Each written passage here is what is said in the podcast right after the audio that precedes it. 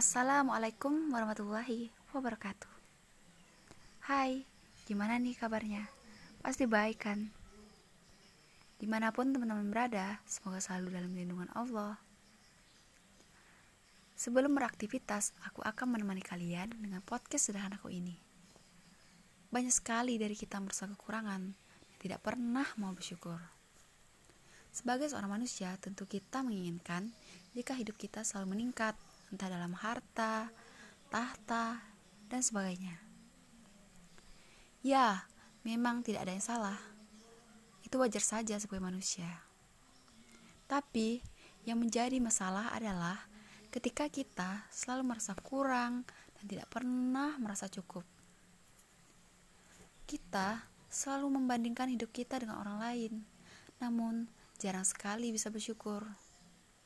Padahal, jika kita renungkan, banyak sekali dan bahkan tak terhitung nikmat yang diberikan.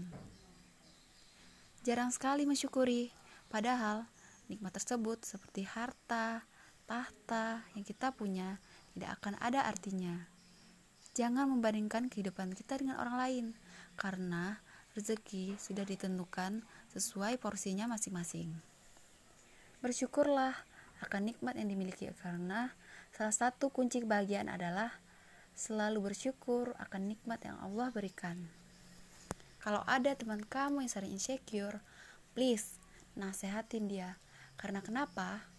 Karena insecure hanya untuk orang-orang yang kurang bersyukur atas nikmat Allah. Jangan lupa bersyukur hari ini. Oke, cukup di sini podcast dari aku. Semoga bermanfaat. Wassalamualaikum warahmatullahi wabarakatuh.